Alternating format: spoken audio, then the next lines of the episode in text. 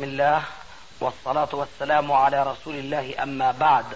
فهذا أحد أشريطة سلسلة الهدى والنور من الدروس العلمية والفتاوى الشرعية لشيخنا المحدث العلامة محمد ناصر الدين الألباني حفظه الله ونفع به الجميع. قام بتسجيلها والتأليف بينها محمد بن أحمد أبو ليلى الأثري. إخوة الإيمان والآن مع الشريط الثامن والسبعين بعد المائتين على واحد. شيخنا الفاضل نرجو تفسيرا موسعا لقوله تعالى فنظيرة إلى ميسرة وجزاك الله خيرا.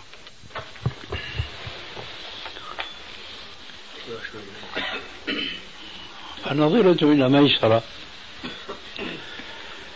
إذا كان لإنسان حق ودين على آخر. وحل وقت الوفاء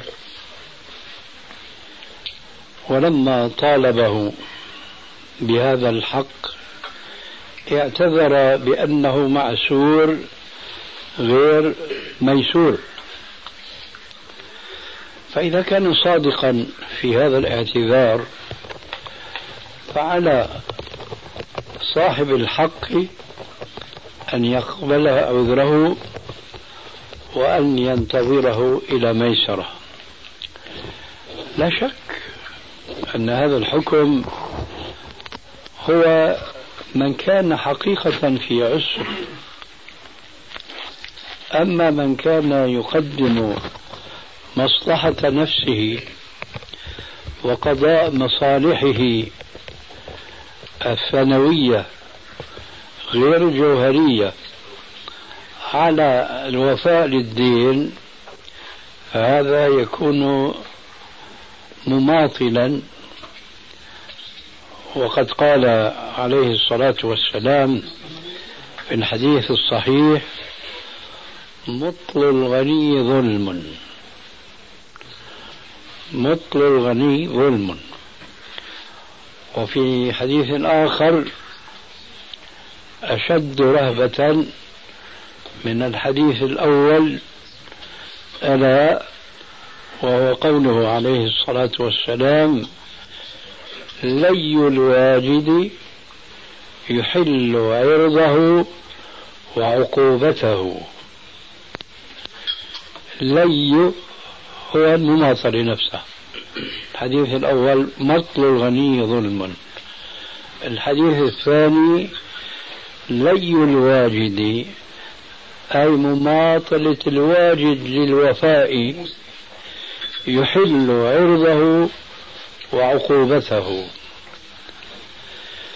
والمقصود من قوله يحل عرضه أي النيل منه والطعن فيه والتشهير به وهو أن يقال فلان ظلمني فلان يماطلني وهو ليس عاجزا عن الوفاء بل هو قادر عليه.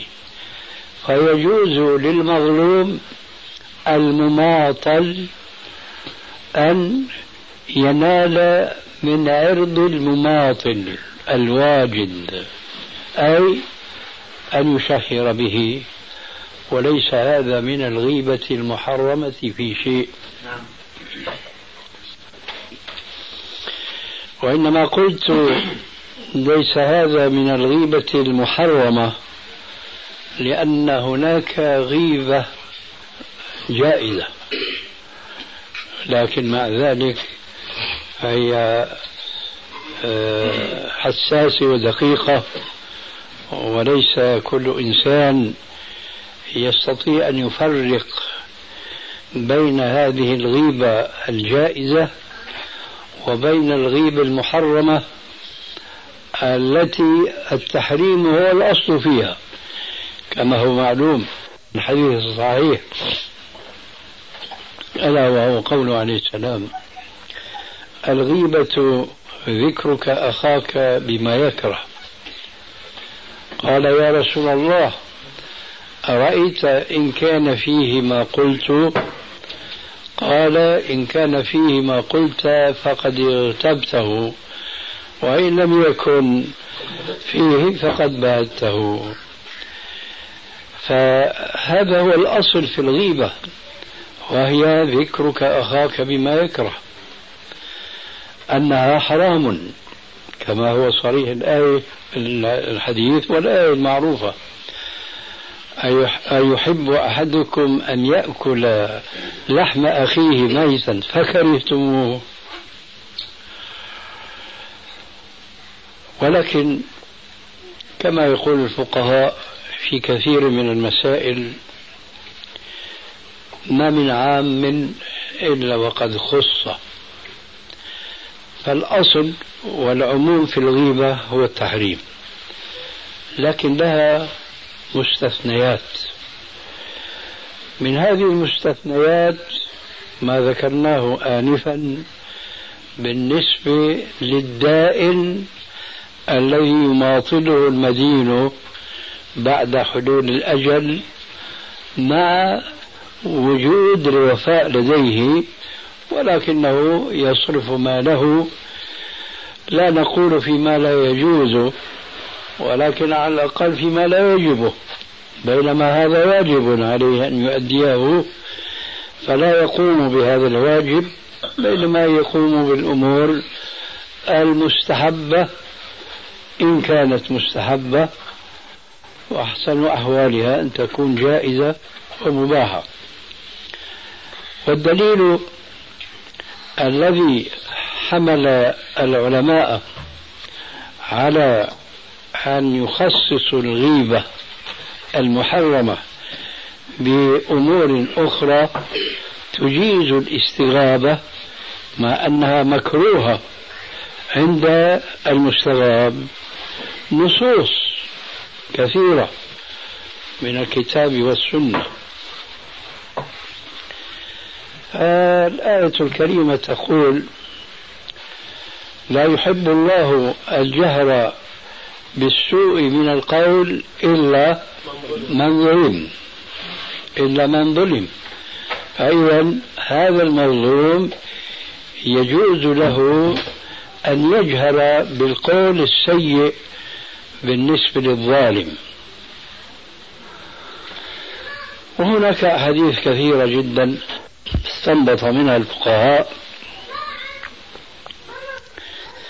ستة أجناس من الغيبة التي يصدق فيها أن المستغاب يكرهها ولكن لا يصدق فيها أنها غيبة محرمة. فقال أحد الفقهاء الشعراء القدح ليس بغيبة في ستة متظلم ومعرف ومحذر ومجاهر فسقا ومستفت ومن طلب الإعانة في إزالة منكره. هذه ستة أشياء. القدح الطعن ليس بغيبة في ستة متظلم أتيناكم بالآية والحديث. لي الواجد يحل عرضه وعقوبته. وقبل أن نستطرد كثيرا عن هذا الحديث الذي كنا فيه فقد يتساءل بعض الحاضرين قد فهمنا مقصود النبي صلى الله عليه وسلم من قوله عرضه يحل عرضه. فماذا يعني وعقوبته من قوله وعقوبته؟ الجواب أن العقوبة هنا تعود إلى الحاكم إلى القاضي الشرعي.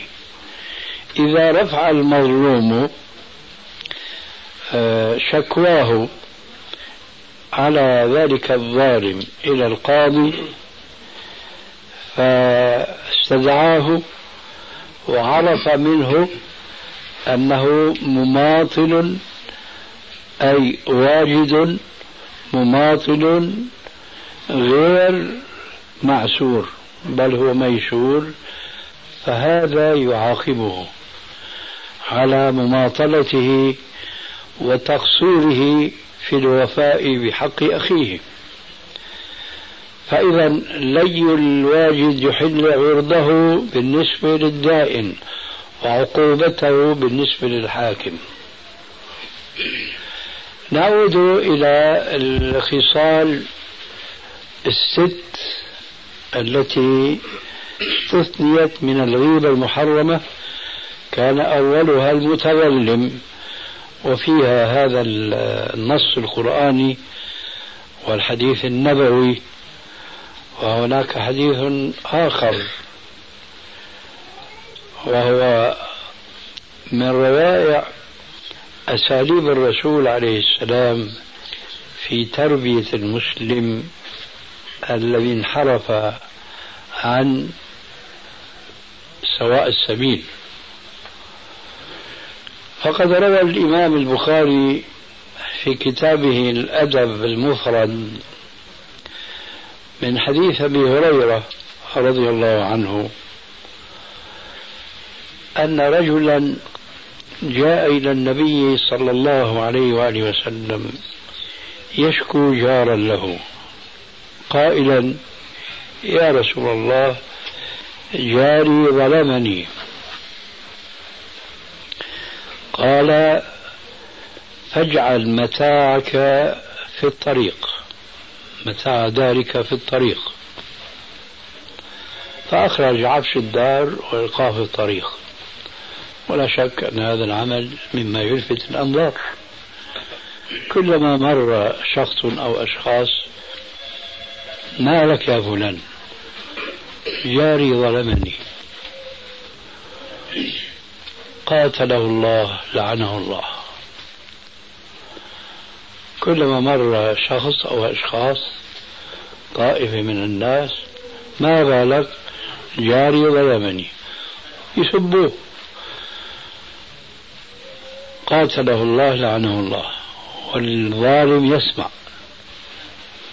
فما كان منه إلا أن انطلق إلى النبي صلى الله عليه وآله وسلم ليقول له يا رسول الله مر جاري بأن يعيد متاعه إلى داره فقد لعنني الناس.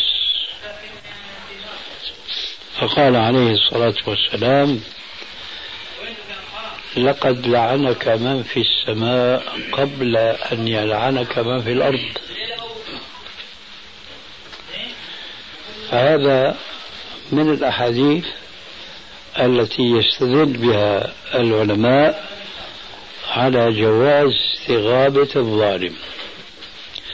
أولا المظلوم شكاه للرسول وقال جاري ظلمني ولا شك أن هذه غيبة بالنسبة للتعريف العام غيبة. ذكرك أخاك بما يكره. فهو يكره أن يقال عنه إنه ظالم. لكن النبي صلى الله عليه وسلم الذي جاء بشرع لإصلاح ما فسد من الناس لا يدع القاعدة العامة التي وضعت لإصلاح الناس لتعود مفسدة لإفساد الناس. وإنما يضع لها قيود وحدود وشروط. وهذا الوضع يكون ببيانه عليه السلام بفعله وبقوله. فنجد الرسول عليه السلام في هذه الحادثة لم يكن موقفه تجاه الشاكي المظلوم له كما قد يفعل بعض المتنطعين الجاهلين من الناس يقول له اسكت يا أخي هذه غيبة. لأن الرسول قال الغيبة ذكرك أخاك بما يكره. وهذا الورع البارد اليوم متمثل في كثير من المعاملات المتعلقة ببعض الناس في صور شتى مختلفة. قد يأتي الرجل مثلا إلى شخص صديق لزيد من الناس. الرجل يريد أن يشارك زيدا المذكور. فيأتي إلى صاحبه يسأله أنا يا أخي أريد أن أشارك زيدا هذا؟ فشو بتعرف عنه. أنا بدي أدخل على بصيرة في هذه المشاركة. شو بتعرف عنه؟ هو قد يكون يعرف عنه كل شر. لكن يظن مسكين لجهله بشريعة نبيه أنه إذا ذكر ما فيه فقد استغابه انطلاقا منه. من الحديث الذي يسمعه بكل مناسبة وهو الحمد لله حديث صحيح ولكن لا يشرح شرحا صحيحا. فيكون الجواب أن يكتم الحقيقة وأن يصارف بخلاف ذلك. فيقول يا أخي كل الناس خير وبركة. كل الناس خير وبركة. فما يسعى هذا الإنسان المستنصح إلى أن يشاركه وبعد زمن يتبين أن ذلك الذي استنصحه ما نصحه. مع العلم أن النبي صلى الله عليه وآله وسلم قد أكد وجوب النصيحة على المسلمين في الحديث المعروف من حديث تميم الداري رضي الله عنه أن النبي صلى الله عليه وآله وسلم قال الدين النصيحة الدين النصيحة الدين النصيحة. قالوا لمن يا رسول الله؟ قال لله ولكتابه ولرسوله. ولأئمة المسلمين وعامتهم. ولأئمة المسلمين وعامتهم. الشاهد هنا والحديث يأخذ شرحا طويلا. وعامتهم من المسلمين يجب على كل مسلم أن ينصحهم فزيد هذا حينما جاءه المستنصح يسأله أنا أريد أن أشارك فلانا فكان عليه أن يبين كل سوء يعرفه منه. ليس بقصد التشفي والانتقام منه وإنما بقصد إيه؟ النصيحة والبيان. ولذلك فيجب أن نفهم هذا الموضوع فهما جيدا ومخصصا بهذه الأنواع الستة أولها متظلم الثاني ومعرف.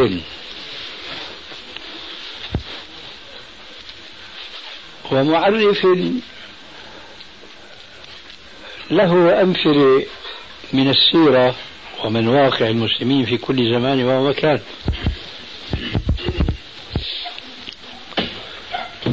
جاء في السنة أن امرأة فاضلة من الصحابيات العالمات اسمها فاطمة بنت إيش؟ ونسيت اسمها فاطمة. كان زوجها طلقها طلقتين ثم سافر عنها. لعمل فأرسل إليها إلى وكيله أرسل إليها بطلقة الثالثة. فجاء الوكيل إليها يخبرها بأن زوجها قد طلقها الطلقة الثالثة فبانت منه بينونة كبرى. وعلى ذلك طلب منها أن تخرج من داره دار الزوج المطلق. فهي طالبت بحق السكن وحق النفقة كما هو قائم اليوم في النظم والقوانين المرعية. فقال لها وهو وكيل ليس لك سكنى ولا نفقة قال قالت فتجلببت وانطلقت. أيوة اسمها فاطمة بنت قيس. لأنه المشهور عند بين الصحابيات فاطمتان. هم, هم كثر لكن مشهور اثنتان. إحداهما هذه فاطمة بنت قيس وأخرى اسمها فاطمة بنت أبي حبيش. أنا لما بدأت وأنا أسرد قصة الأولى وقفت خشيت أن يختلط علي إحداهما بالأخرى فاكتفيت بأن أقول فاطمة. ثم استرددت حافظتي وذاكرتي فتذكرت أنها فاطمة بنت قيس. وفاطمة بنت أبي حبيش لها قصة يحسن أن يعرفها الرجال قبل النساء وإن كانت قصتها تتعلق بالنساء وليس بالرجال. خاصة اللي بيشتغلوا بيلزمهم أي. الشاهد. فجاءت فاطمة بنت قيس إلى النبي صلى الله عليه وآله وسلم فذكرت له ما سمعت من وكيل زوجها. لا سكن لا شيء لها. فقال عليه الصلاة والسلام لا نفقة لا نفقة لك ولا سكنى لماذا؟ لأنها مطلقة طلقة الثالثة. وعلى ذلك أمرها عليه الصلاة والسلام بأن تخرج من الدار لأنه هي محتلته. أما النفقات فهي ما واردة إلى فما بإيدها شيء. أما المسكن ففي يدها. فأمرها أن تخرج من دار زوجها ليستلم الدار وكيل الزوج. وقال لها آه اذهبي إلى دار أم شريك. أم شريك صحابية. ثم قال لها معقبا على قوله إياها اذهبي إلى دار أم شريك. فبادر وقال عليه السلام لا لا تذهبي إليها فإنها دار يقصدها المهاجرون من الرجال. فأخشى أن يقع منك خمارك فيرون منك ما لا ترضين. اذهبي إلى دار عمر ابن أم مكتوم فإنه رجل أعمى. إذا وقع خمارك عن رأسك لا يراك. وقال عليه السلام لها فإذا قضيت عدتك فلا تفوتيني بنفسك. شو معنى الكلام العربي الجميل؟ حين تنقضي العدة تعين عندي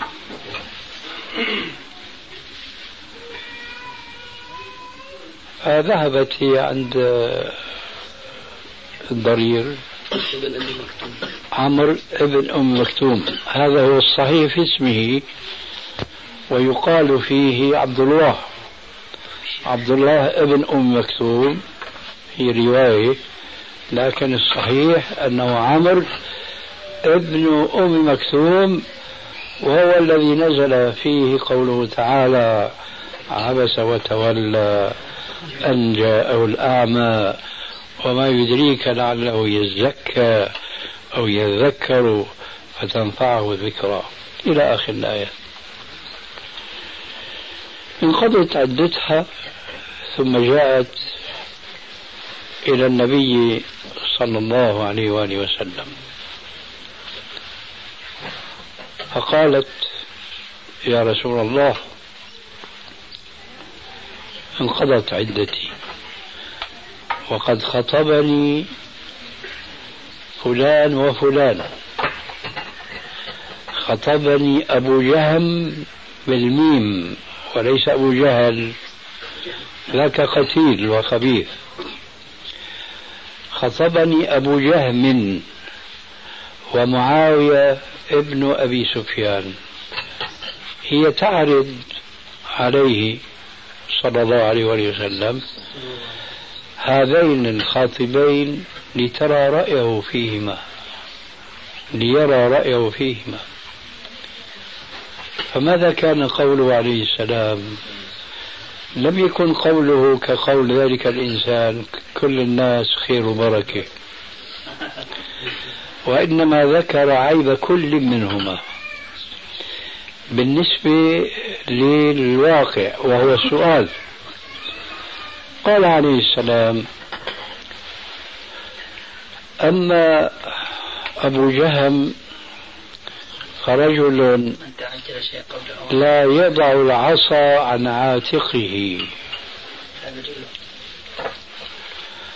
لا يضع العصا عن عاتقه. في تفسير هذه الجملة النبوية قولان. أحدهما أنه ضراب للنساء والآخر أنه كثير الأسفار. لأن العرب حينما يسافرون ماذا يفعلون؟ يضعون العصا على العاتق والمزود على الخلف وتم ماشي على كل حال هذه العبارة كناية عن أحد المعنيين وكل منهما عيب في الرجل لا يرضاه لا ترضاه الزوجة أو المرأة المخطوبة. هذا وصفه عليه السلام للخاطب الأول وهو أبو جهم. وصفه بهذا الوصف المنفر للمرأة منه. ثم قال عليه السلام وأما معاوية فرجل صعلوك صعلوك يعني فقير لا جاه له لا منزلة له لا مال له إلى آخره.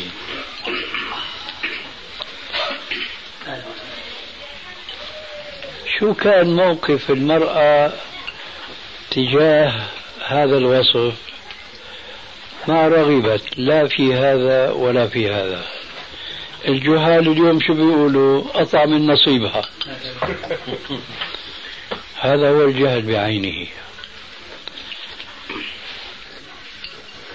لكنها قالت بعد ما رأى منها الازورار والانحراف عنها عنهما عرض عليها أسامة. أسامة بن زيد.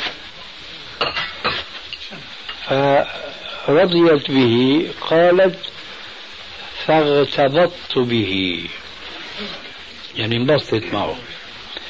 الشاهد قوله عن أحدهما إنه ضراب للنساء غيبة. وعن الآخر إنه سعلوك فقير لا قيمة له غيبة. لكن هذه الغيبة مغتفرة بل واجبة في سبيل نصح المرأة. ومن هنا يجب أن نفهم خطأ الذين لا ينصحون المستنصحين. الذين يكونون مثلا بحاجة إلى خطبة امرأة أو فتاة فيأتي إلى جارها بالجنب بيقول لها يا أخي أنا في بدي أخطب فلانة إلي أو لابني أو كذا شو رأيك فيها؟ نفس الجواب التقليدي في بعض البلاد كل الناس فيهم خير وبركة. هو يعرف فيها أنها شاردة البصر. ومن هنا يجب أن نفهم خطأ الذين لا ينصحون المستنصحين الذين يكونون مثلا بحاجة إلى خطبة امرأة أو فتاة فيأتي إلى جارها بالجنب. بيقول لها يا أخي أنا في بدي أخطب فلانة إلي أو لابني أو كذا. شو رأيك فيها؟ نفس الجواب التقليدي في بعض البلاد. كل الناس فيهم خير وبركة. هو يعرف فيها أنها شاردة البصر وأنها تخرج من الدار وأنها لا تصلح للخاطب المسلم الصالح. لماذا لا ينصح غيبة نقطع بنصيبها يا أخي. ما بيجوز. فقال العلماء القدح ليس بغيبة في ستة متظلم ومعرف. أتينا بالمثال من الحديث والمثال من الواقع. فلانة والله كويسة لكنها ما بتصلي. والله بتصلي لكن تخرج متبرجة. والله كذا كل شيء فيها خير بس موظفة وإلى آخره. هذا يجب كله أن يشرح للخاطب المستنصح ولا بيكون غشه وما نصحه. متظلم ومعرف ومحذري محذري هذه الصورة آه لها واقعان متباينان أشد التباين. من ينبغي التحذير منه لا يحذرون عنه. ومن ينبغي أن يصاحب يقولون إياك وإياه. والحر تكفيه الإشارة يعني مثلا قد يرى شخص رجلا يصاحب غلاما. صبيح الوجه. رشيق القامة. ويعرف عن هذا الغلام شيء من التأنث أو التخنث. والذي يصاحبه رجل وليس بالرجل المعروف بحسن السيرة. والاستقامة والصلاح والتقوى. وهناك في المحل في الحارة من يعرف حقيقة هذا وهذا. فالواجب أن ينصح هذا الغلام وأن يقول لا تصاحبن هذا الرجل الذي رأيتك تمشي معه. هذه صورة ممكن بأن تتفصت منها صور شتى وكثيرة جدا. أما الصورة المعاكسة حيث لا يجوز التحذير فلان يا أخي لا تمشي معه. شو يا أخي؟ هذا رجل صالح ومصلي. والله هو مثل ما بتقول بس هذا وهابي. وهابي نعم. وإياك واحذر منه الناس في الأوقاف يخافوا يمشوا مع ناس ثانيين خوف إنه يحسبوهم مسؤولين انه من جماعة. أحسنين.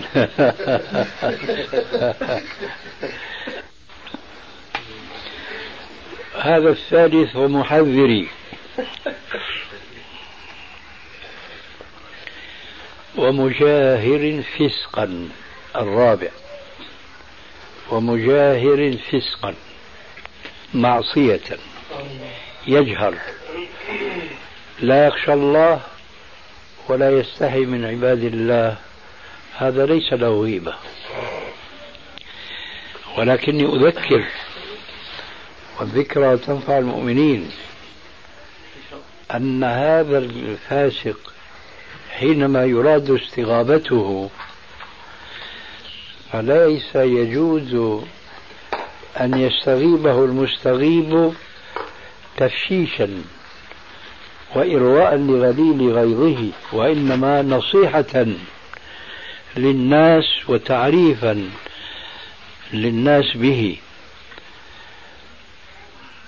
فهذا الفاسق يجوز استغابته ليس اندفاعا أو انطلاقا من حديث مشهور ضعيف السند لا تقم به حجة. ألا وهو ليس لفاسق غيبة. هذا من الأحاديث التي لا يصح نسبتها إلى النبي صلى الله عليه وآله وسلم وإن كان معناه صحيحا. ويشبه هذا الحديث من الناحيتين الضعف في السند والصحة في المعنى حديث آخر موجود في الجامع الصغير. أتريعون عن ذكر الفاجر بما فيه؟ اذكروا الفاجر بما فيه. يحذره الناس. يحذره الناس. أتريعون أي أتتورعون؟ يعني ورعا باردا. أتتورعون والأمثلة السابقة كلها؟ أي نعم. أتت أتريعون عن ذكر الفاجر بما فيه؟ اذكروا الفاجر بما فيه يحذره الناس. أي استغابة الفاسق والفاجر ليس هو تفشيش خلق وإنما لتحذير الناس منه. بس فهو داخل أيضا إيش؟ في باب النصيحة.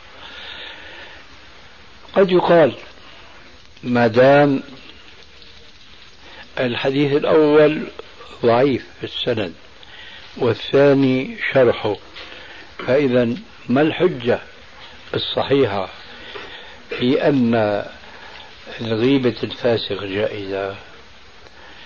نقول حديث الإمام البخاري في صحيحه عن السيدة عائشة رضي الله عنها قالت استأذن رجل في الدخول على النبي صلى الله عليه وآله وسلم فقال إذنوا له بئس أخو العشيرة هو. هي غيبة ولا مو غيبة غيبة لأنه ذاك برا والرسول جوا ويذكره بلا شك بما يكره. لكن هذا ليس داخلا في النص العام. إذن له بئس أخو العشيرة هو. فلما دخل إلى النبي صلى الله عليه وسلم هش إليه وبش وجلس ما جلس ثم خرج. من كان يراقب الحال؟ سيدة عائشة رضي الله عنها. لما انصرف الرجل قالت يا رسول الله لما استأذن قلت إذن له بئس أخو العشيرة هو. فلما دخل هششت له وبششت. قال يا عائشة إن شر الناس منزلة عند الله يوم القيامة من يتقيهم الناس مخافة شرهم فهذا هو الفاجر. فالرسول صلى الله عليه وآله وسلم تعريفا للناس به قال بئس أخو العشيرة هو. لكن هو كان رئيس عشيرة. وتحت يده بعض ضعفاء المؤمنين. فلو أن الرسول صلى الله عليه وآله وسلم ما أحسن استقباله ومعاملته بل أغلظ عليه القول لانقلب هذا الرئيس الفاجر ضررا على أصحاب الرسول الضعفاء الذين هم من عشيرة الرجل. ولذلك قال عليه السلام وهذا من من أسلوبه في الكلام ما قال بئس الرجل هو؟ قال بئس أخو العشيرة هو. له عشيرة له طائفة من الناس هو عليهم رأس وتحته طائفة من المسلمين الطيبين. فترفق به الرسول عليه السلام حينما استقبله ولكنه ما كتم حقيقة أمره أمام السامعين لقوله الأول بئس أخو العشيرة هو ذلك ليصبح دليلا للعلماء والفقهاء الذين سيقتدون به عليه السلام أنه يجوز استغابة الفاجر بقصد إيش؟ تحذير الناس. قال ومجاهر فسقا ومستفت. المستفتي هذه قضايا تقع كثيرا كثيرا جدا في كل زمان ومكان. مما وقع في عهد الرسول عليه السلام جاءت هند امرأة أبي سفيان فقالت يا رسول الله إن زوجي رجل شحيح بخيل هنا الغيبة الرجل غائب والزوجة تستغيبه أي تتكلم بكلام في غيبته يكرهه. أفآخذ من ماله؟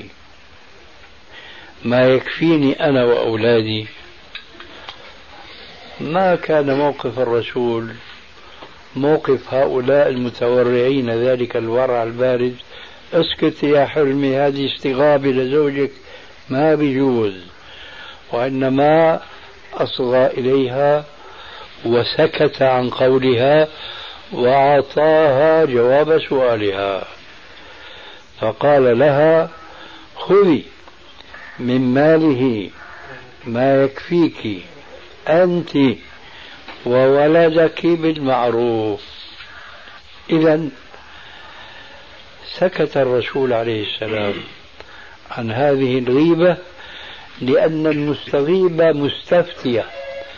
تريد أن تعرف حكم الله بالنسبة للحال التي هي مع زوجها.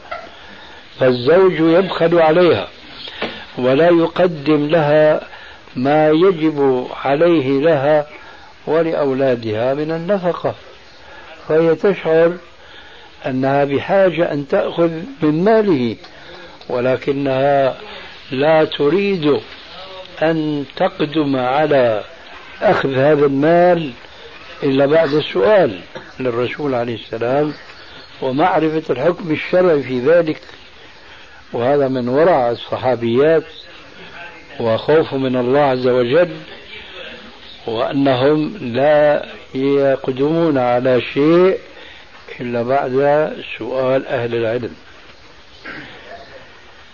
فالرسول صلى الله عليه وسلم قال لها خذي أنت وولدك من ماله بشرط ما يكفيك مش بقى تاخذي على كيفك.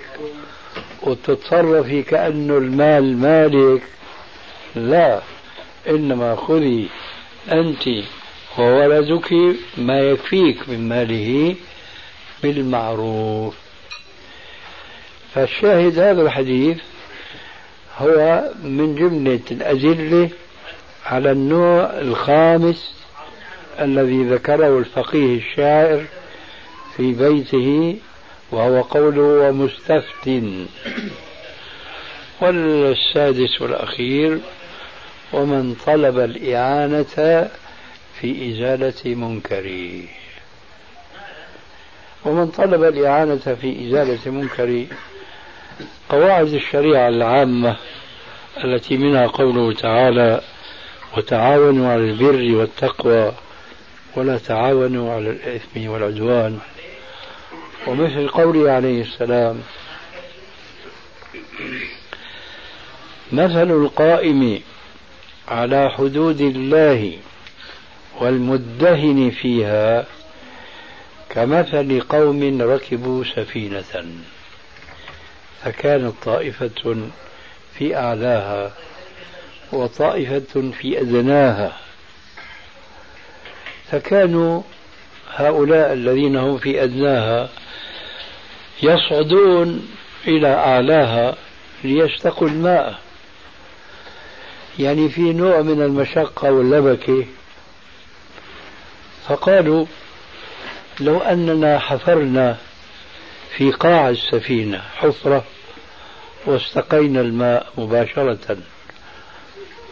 فقال عليه السلام فإذا أخذوا بأيديهم نجوا وأنجوا وإذا لم يفعلوا أو تركوهم وشأنهم أهلكوا وهلكوا.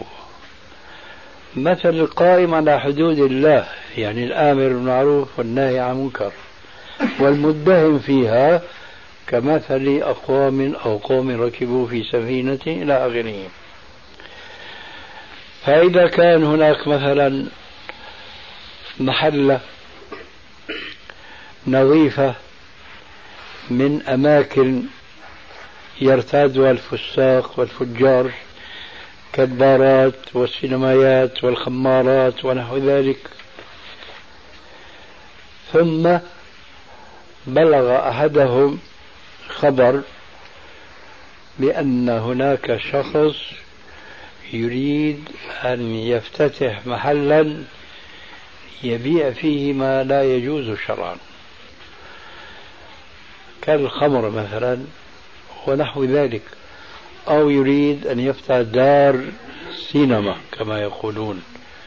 في قرية لا تعرف هذه الملاهي كلها وعلى ذلك فقس لكن هذا الرجل الذي بلغه الخبر لا يستطيع أن يحول وحده بينه وبين ذلك الظالم الذي عزم على أن يفتتح ذلك المكان المحرم فيأتي إلى زيد وبكر وعمر ويحكي أن فلان يريد أن يفعل كذا وكذا.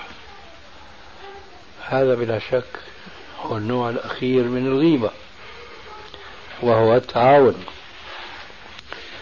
ومن طلب الإعانة في إزالة منكره لأنهم إن تركوا هذا الإنسان غرق هو وغرق السكان. فلهذه الأشياء الستة يجوز للمسلم أن يستغيب أحيانا إذا كان أولا ليس قصده الطعن في الرجل وإنما قصده النصح للمسلم أو للمسلمين. فهذه قاعدة يجب أن نعرفها نعرفها جيدا. ونرجع إلى قصة فاطمة بنت أبي حبيش التي قلنا عنها إنه حكم يتعلق بالنساء لكن يجب على الرجال أن يعرفوا هذا الحكم لأن النساء لا يتيسر لهن مثل هذا المجلس الذي يدرس فيه كتاب الله وحديث رسول الله فيكون الرجال هم الذين ينقلون ما يسمعون من الأحكام. ولهذا السبب يبرر العلماء أو يسوغون أن النساء في عهد الرسول عليه السلام كنا يصلين الصلوات الخمس في المساجد. مع أن النبي صلى الله عليه وآله وسلم كان قد ذكر لهن قوله المعروف وبيوتهن خير لهن. وبيوتهن خير لهن. مع ذلك بيصلوا في المساجد. ليه؟ لأنهن كنا يسمعن هناك من الدروس والمواعظ والنصائح ما لا يتيسر لهن أن يسمعنه بنت أبي حبيش رضي الله عنها. قالت كانت تستحاض حيضة شديدة جدا واستمرت بها الاستحاضة سنتين كاملتين وهي تظن أنه حيض. الغرابة في الموضوع أنها لا تصلي. سنتين. لا تصلي. ظنا منها أنها مست... أنها حائض. هي تعرف هي تعرف أن الحائض لا تصلي بل لا يجوز لها أن تصلي. ولذلك هي ما صلت لأنها توهمت من هذا الدم أنها حائض. لأنه في بعض الروايات بالنسبة إليها أو لغيرها من المستحاضات في بعض الروايات أنها كانت تثج ثجا. نعم. وفي رواية أنه كانت إذا استحمت المركن يعني الطشت ينقلب دما. فجاءت الله ألهمها بعد إيش؟ المدة الطويلة. جاءت إلى النبي صلى الله عليه وسلم وذكرت له إني امرأة استحاض فلا ينقطع الدم عني. فقال لها عليه السلام إنما هو عرق. عرق انقطع واستمر سيلان الدم منك وليس هو الحيض. فأمسكي عن الصلاة عدة الأيام التي كنت تحيضينها قبل البلاء هذا. ثم صلي ولو سال الدم. ولذلك فهذا الحديث يعطي حكما للنساء يجب عليهن أن يعرفوا الفرق بين دم الحيض ودم الاستحاضة حتى لا تقع الواحدة منهن في مثل ما وقعت فاطمة بنت أبي حبيش.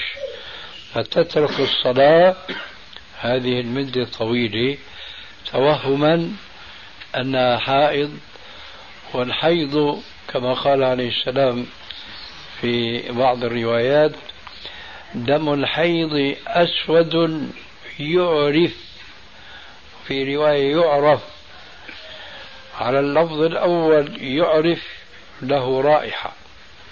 معروف رائحة الدم كريه عند النساء. أما يعرف أي من لونه. فدم الحيض أسود قاني. دم الاستحاضة كأي دم يخرج من الإنسان فيه حمرة ما فيه سواد. فإذا هذا من المميزات بين دم الحيض ودم الاستحاضة. ولعلنا ما شردنا عن شيء كنا نتكلم فيه لطول ال... لا لا ها؟ ما نسينا شيء يعني؟ لأن استطردنا كثيرا وهيك بده أبو أبو ليلى. جزاك ما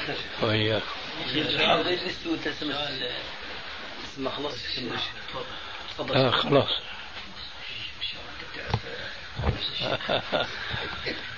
نعطيك الميكروفون لا بدون ميكروفون كنت تكلمت عن الدين وبناء على سؤال الأخ فنظرة إلى ميسرة. طيب آه، الناس يستخدموا الآن في إثبات الدين الكمبيالات والشكات وقانونا الكمبيالات مثلا يعني يحق الإنسان أنه إذا استحقت أنه وفي كمبيالات وراها بتواريخ مع يعني في كمبيالة مثلا بثلاثين واحد واحدة بثلاثين اثنين وهكذا. القانون ينص على أنه إذا جاء موعد الأولى وما سددت يستحق الجميع الباقي. يكون الباقي كله مستحق في تاريخ الأولى. وبناء على ذلك يحق لك إنه يعني إنك تحجز على فلان المديون على محله أو تقاضي أو ما شابه. هل هذا الفعل جائز؟ لا ما يجوز على إطلاقه. ولذلك قلنا تفسير الجملة الأخيرة من حديث لي الواجد يحل عرضه وعقوبته. فيجب أن يرفع أمر هذا المتقاعس عن القيام بواجب الوفاء. إلى الحاكم. فإن كان مقصرا فممكن أن يفرض هو العقوبة التي يراها أنها تصلحه أما أن يصبح نظاما مضطردا فهذا لا يجوز طبعا لأن بكل حالة نبوسها بسم الله.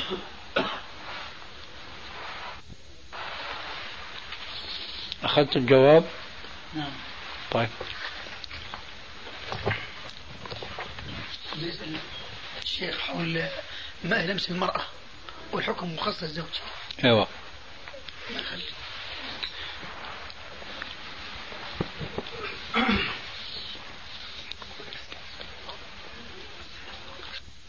اليوم سئلت هذا السؤال. ومن عروس ولا أقول عريس رجل عروس جديد متزوج يمكن من أسبوع أو أسبوعين سألني مثل هذا السؤال هل تقبيل الرجل لزوجته ينقض الوضوء فأجبته بأنه لا ينقض الوضوء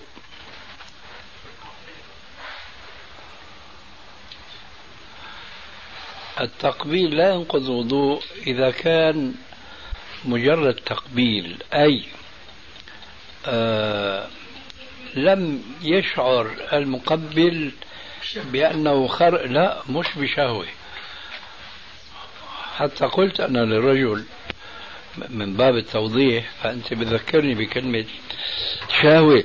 قلت له معلوم أن الرجل حين يقبل بنته هو غير حين يقبل زوجته. فتقبيله لبنته تقبيل رحمة وتقبيله لزوجته تقبيل شهوة. فلا بد من الشهوة هنا. لما نتكلم عن تقبيل الرجل لزوجته مش بدون شهوة. فهو التقبيل بشهوة لكن بشرط ما يشعر أنه نزل منه شيء من مذي مثلا. لأن هذا نعم؟ أو من. المنيا هي بدها معركة طويلة يعني. حتى قلت للرجل لا يفهم علي جيدا تأكيدا أن التقبيل هو بشهوة وأنه لا ينقض الوضوء إلا إذا شعر بأنه خرج منه ذاك الماء.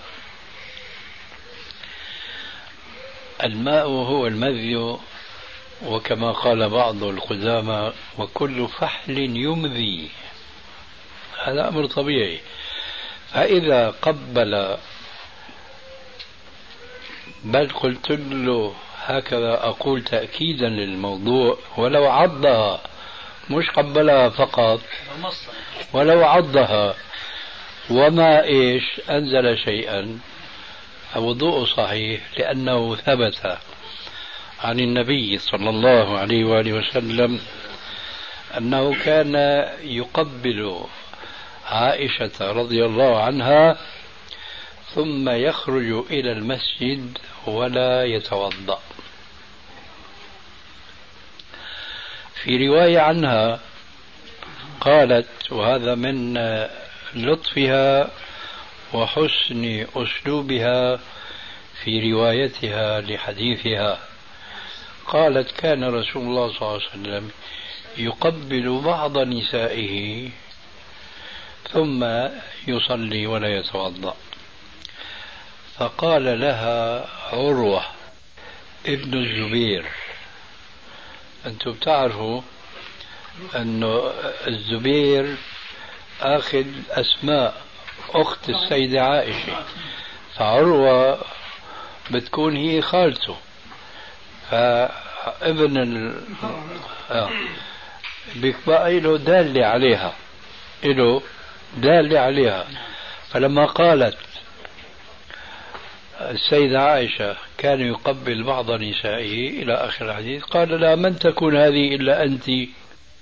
إخوة الإيمان تتمة الكلام في الشريط التالي. إله دال عليها. فلما قالت السيدة عائشة كان يقبل بعض نسائه إلى آخر الحديث قال لا من تكون هذه إلا أنت؟ من تكون هذه إلا أنت؟ لماذا يقول هكذا؟